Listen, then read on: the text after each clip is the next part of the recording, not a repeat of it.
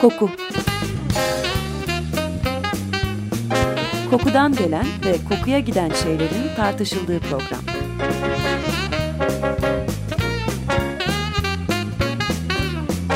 Hazırlayan ve sunan Vedat Ozan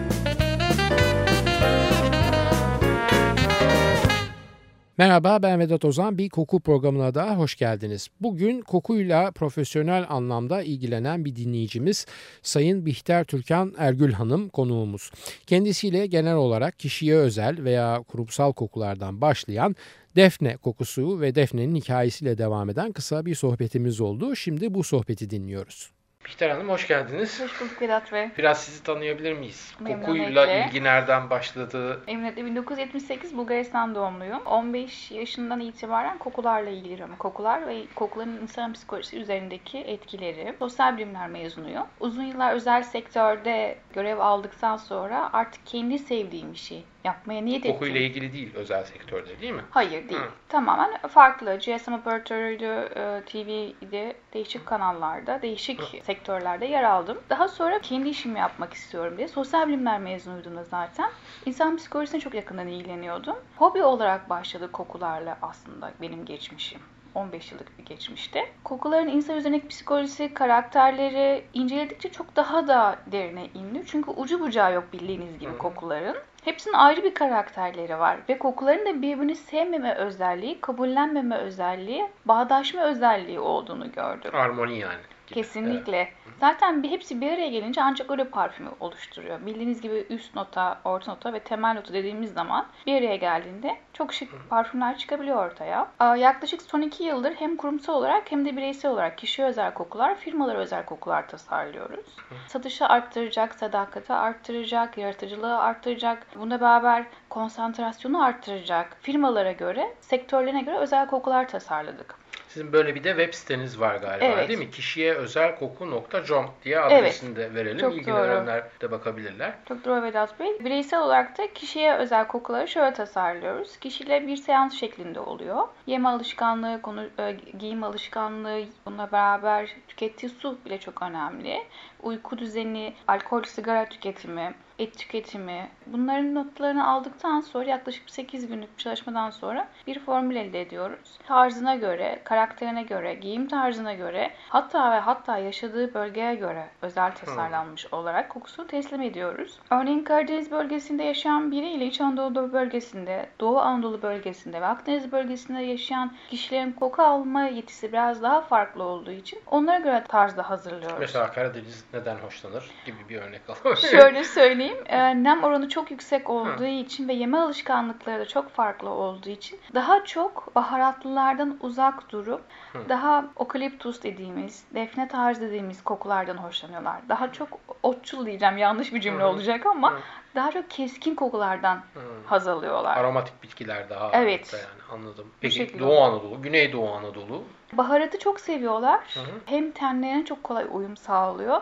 Ama bu çok ilginçtir. Son zamanlarda benim çok dikkatimi çekti. Tatlı kokulara yönelmeye başladılar. Bu da herhalde ekolojik sistemin değiştiğinden dolayıdır O da olsa olabilir. gerek. Kadınlar için mi erkekler için mi Kadınlar yoksa için. unisex? Doğuda erkekler çok fazla koku kullanmıyorlar ya da parfüm kullanmıyorlar. Ki hani daha önce son yıllara baktığımız zaman 5 yıl öncesine kadar Doğu çok fazla hacı yağ dediğimiz olayı çok tüketirken şu anda parfümden de biraz uzak kalmayı tercih etmişler ama kadınların çok daha fazla kokuyu ve parfümü çok yakından takip ediyorlar. Büyük bir ihtimalle Doğu'da üniversitenin açılmasından dolayı yavaş yavaş üniversite şehri, öğrenci şehri olduğundan Modernleşiyorlar, dolayı tüketim toplumu oluyorlar. Evet bir karmik ten de oluşmaya başladı. Ama şu 10-15 yıl öncesine baktığınız zaman genelde baharatlı ve oryantal kokular tercih etmiş. Doğu Anadolu ve Güney Anadolu. Hı, bu da ilginç yani. Çünkü koku aslında doğudan çıkma ve Evet. doğuda erkeklerin çok kullandığı bir şey tarih içinde. Şimdi uzak durmuş olmaları bana çok ilginç geldi tabii. Evet yani kadınlar daha ağırlık vermeye başlamışlar. Anladım. Ezelden beri de böyleydi ama örneğin Rusya'da soğuk ülkelerde, buzul ülkelerde bir vanilya kokusunu kullandırtamıyorsunuz. İtici geliyor. Ama çok keskin bir sandal kokusunu bir sedire sunduğunuz zaman çok hoşlarına gidiyor. Çam da çok kullanıyorlar onlar. Tabii. Zaten Sibirya çamı çok meşhur yani çok sık kullanılan bir şey. Sibirya dini diye geçiyor aynı zamanda. Çok keyifliler.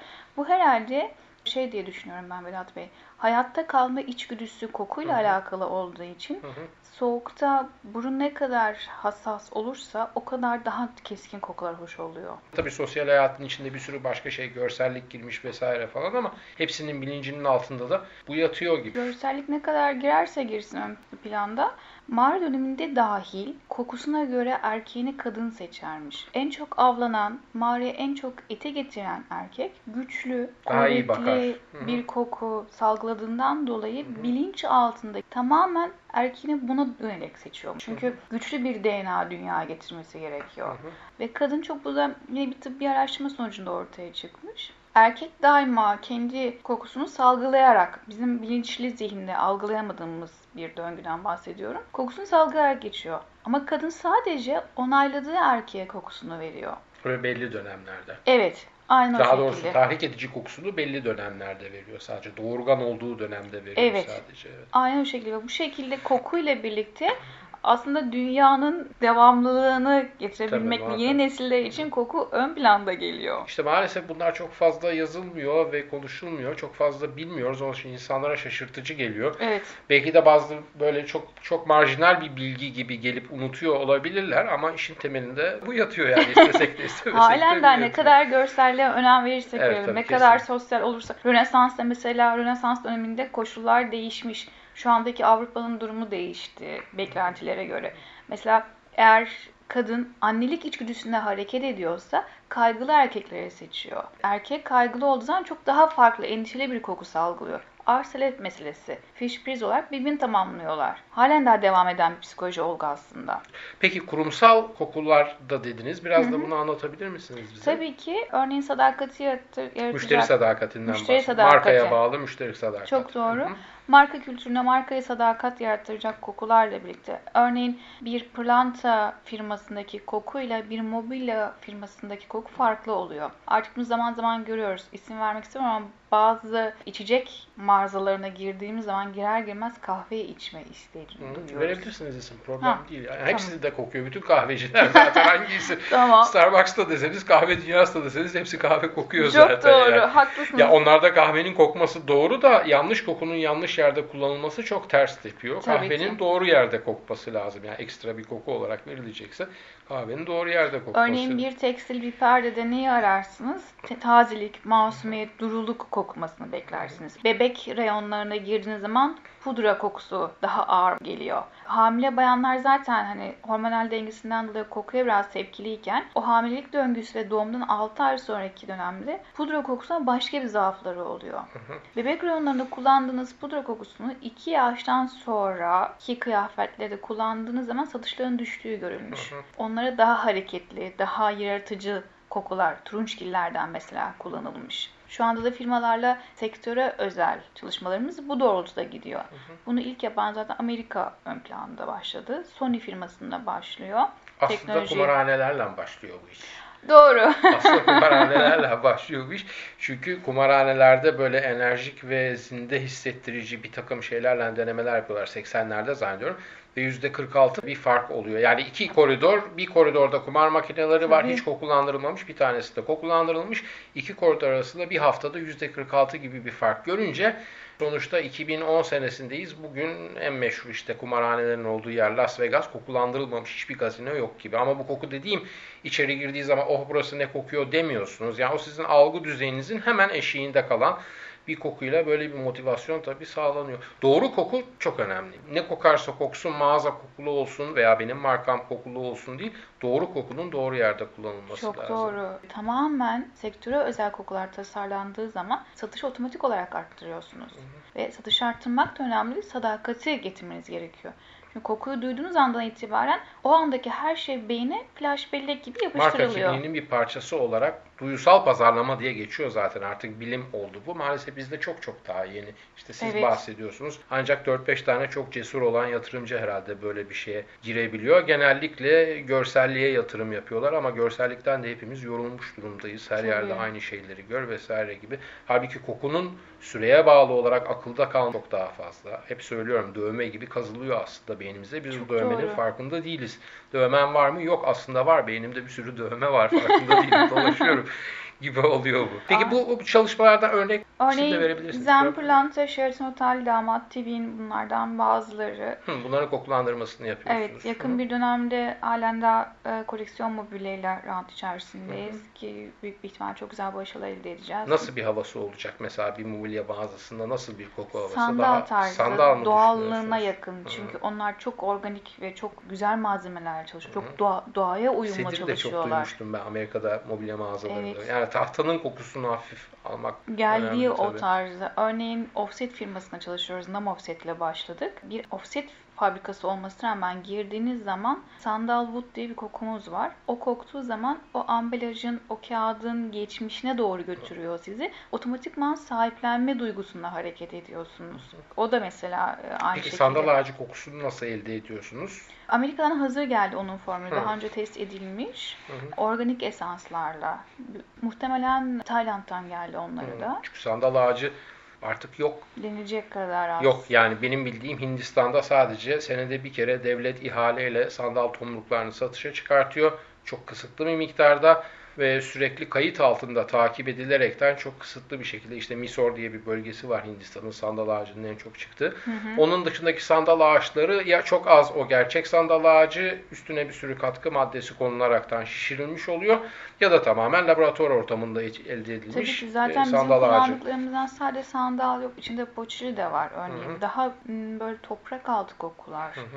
Fosil kokular. Daha fosil kokular tercih ediliyor. Koleksiyon mobilyanın bu yolda devam etti zaten. Çünkü daha önce denenmiş örnekleri de var. Mobilyanın doğasına uygun tarzda. Örneğin bir mobilya mağazasında özellikle de ofis mobilyaları satılan bir yerde vanilya ya da kek kokusunun olması zaten çok eğriti duracaktır. Hı hı. Ve bu çalışmalar çok keyifli oluyor. Yani Tahmin şimdiye ediyorum, kadar böyle hmm falan biraz düşünürüz bakarız değil, değil de gelen mailler genelde işte saat 3 ile 4 arasındaki toplantı saatleri veriliyor. Hiçbir zaman toplantı 4'te bitmez. 5'e kadar uzar, 5.30'a kadar uzar. Herkesin hoşuna gidiyor. Kimse Çok tabii üzerine keyifli. konuşmadığı işin kokunu konuştukça laf lafı açıyor. Ve eğleniyorlar da. Tabii. Çok farklı bir sektör olduğu için günlük iş akışlarının da dışında bir şey.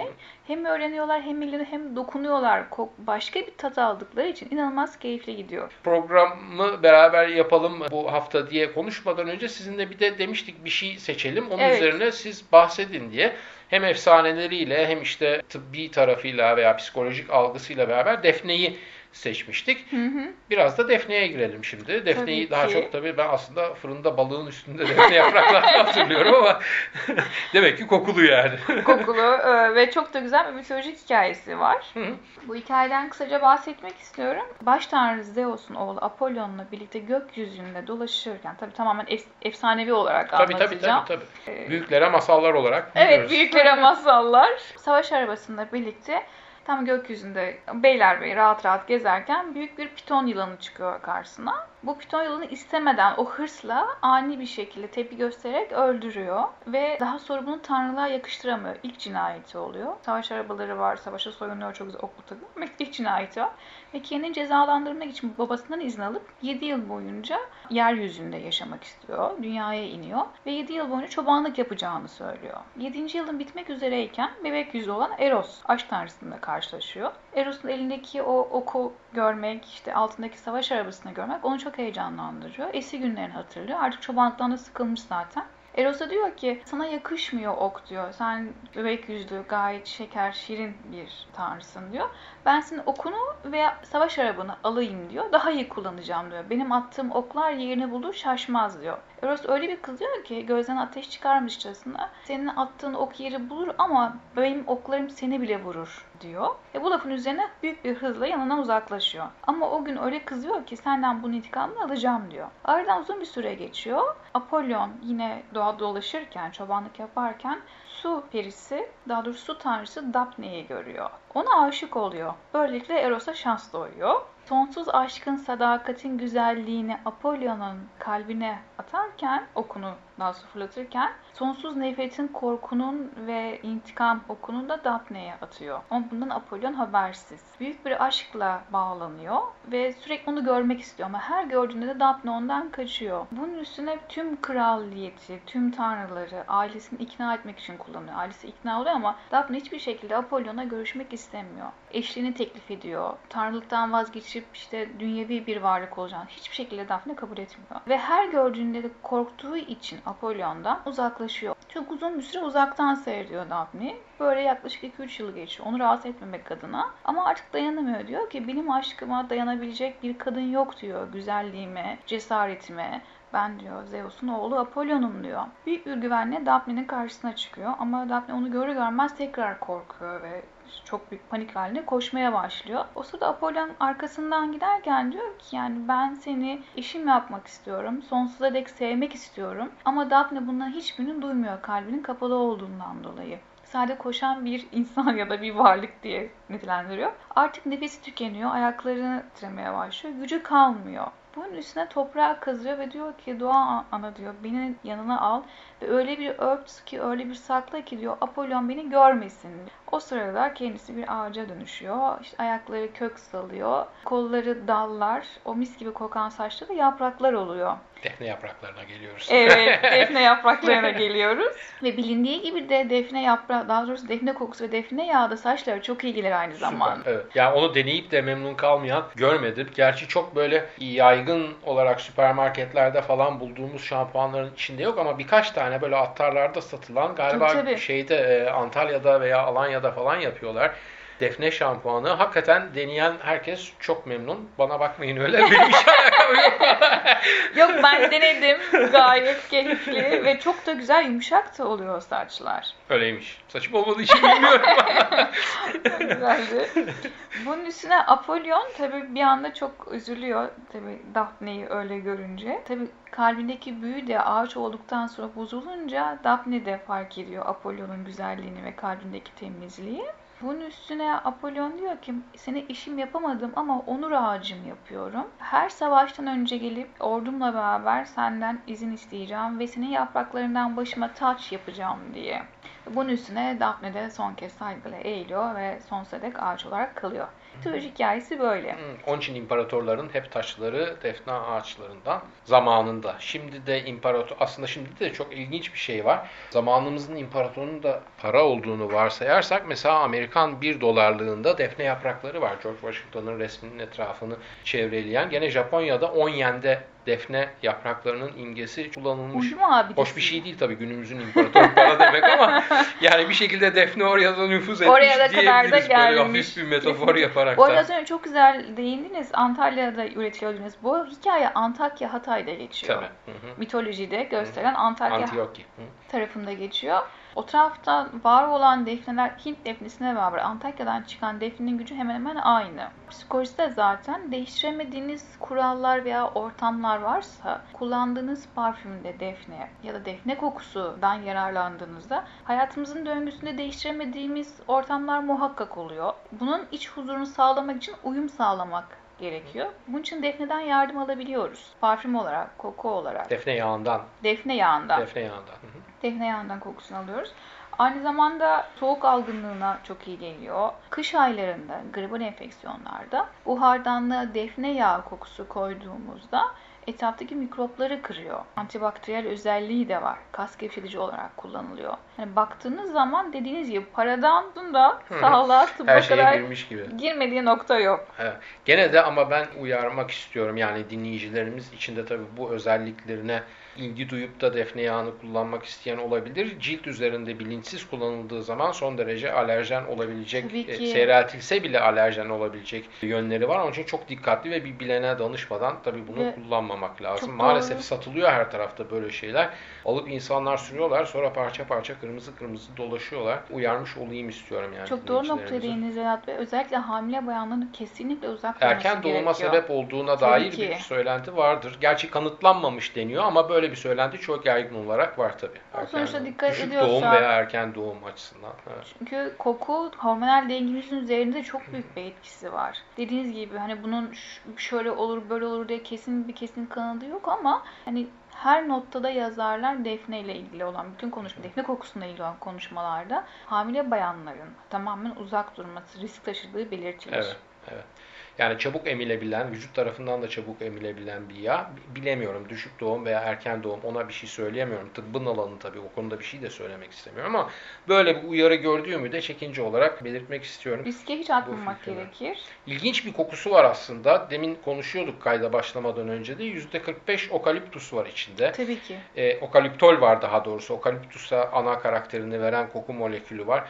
Onun dışında ojenol var ki ojenol mesela karanfile karakterini veren koku molekülüdür. Yani böyle hep söylediğim gibi doğadaki bütün kokular aslında ilahi birer kompozisyon. Bu kompozisyonun evet. içindeki bir takım çok belirgin ögeler pek çok farklı aromatik bitkide olduğu gibi defnede de var ve hoş şeyler yani bunlar. Ne bileyim ben bir karanfil kokusunu çok dikkatli olarak defneyi koklarsanız çok derinden alabilirsiniz. Çok doğru. Başta tabii o okaliptol baskın çıkıyor. Onun için ilaç gibi biraz kokusu var deniyor ama Zaten parfümlerde de kullanıldığı zaman çok eser miktarda kullanılıyor değil mi bunlar? Çok çok az, Hı. çok az kullanıyor. Zaten genelde erkeksi parfümlerde evet, ya da sert, daha keskin. sert kokularda evet. kullanılıyor. Evet. Karakteriyle alakalı. Kafirumsu kokular deniyor bunlar işte. Doğru. Kanforik kokular daha çok bunlarda kullanılıyor. Fujar akorlarında çok kullanılan bir şey olduğunu biliyorum mesela.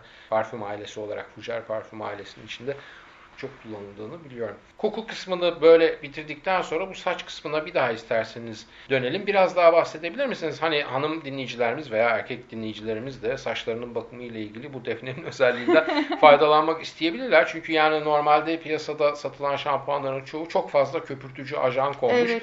Aslında çok fazla yararı olmayan, temizliğine dair de bizi kandıran şeyler. Çok doğru. Ama defne gerçekten çok e, saça faydalı bir şey. Nerede bulabilirler? Nasıl şeyler alabilirler? Öncelikle az önce söylediğinizin altında çizmek istiyorum. Geçen gün bir saç dergisinde okuduğumda çok güzel bir yazı vardı.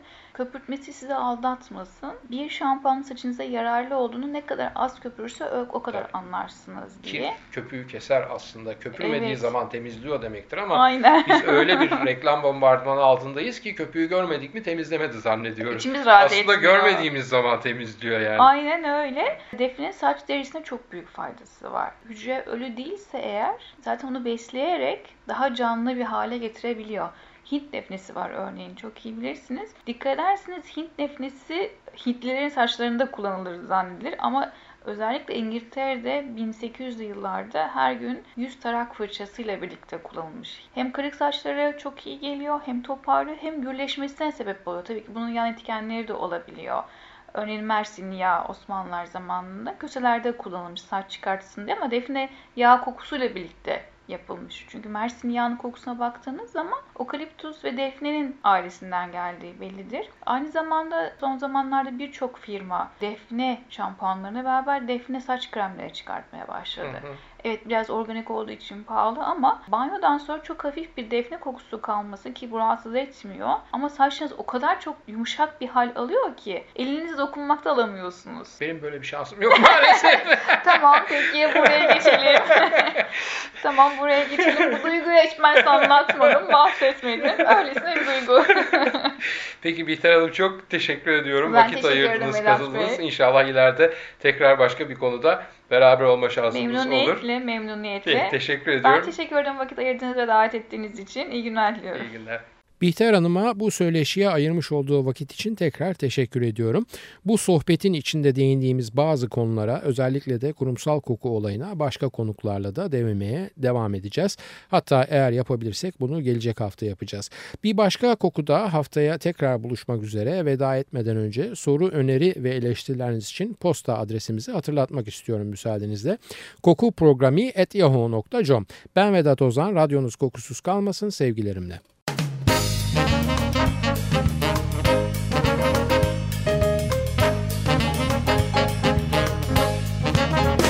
Koku Kokudan gelen ve kokuya giden şeylerin tartışıldığı program.